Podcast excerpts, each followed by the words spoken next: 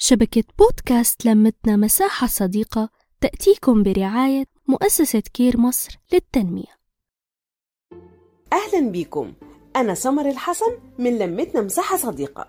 هتلاقي كل يوم حاجة جديدة. هنتكلم عن تربية الأطفال وعن مشاكلك اللي انت بتواجهها والأكل وال fashion معاكم هنمشي الطريق في يوم جديد مع سمر.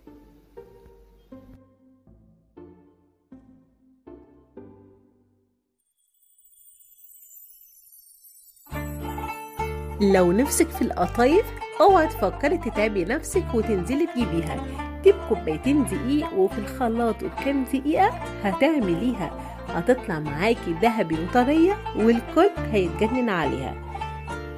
هاتي الخلاط وحطي كوبايتين مية دافية ونص كوباية لبن وكوبايتين دقيق ونص كوباية دقيق سميد ومعلقتين كبار سكر ومعلقة صغيرة خميرة فورية وزيها كمان بيكنج باودر ورشة الملح اوعي تنسيها وفي الخلاط كلهم اضربيها وبالمصفى صفيها عشان لو في شوية كده كلاكيع تروح على طول وما تدوشيش نفسك بيها.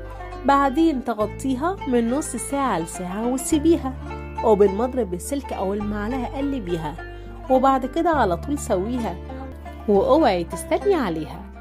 ولو عندك جريل بمنديل فيه نقطتين زيت وامسحيها وشوية جنب شوية وعلى النار وسط سويها.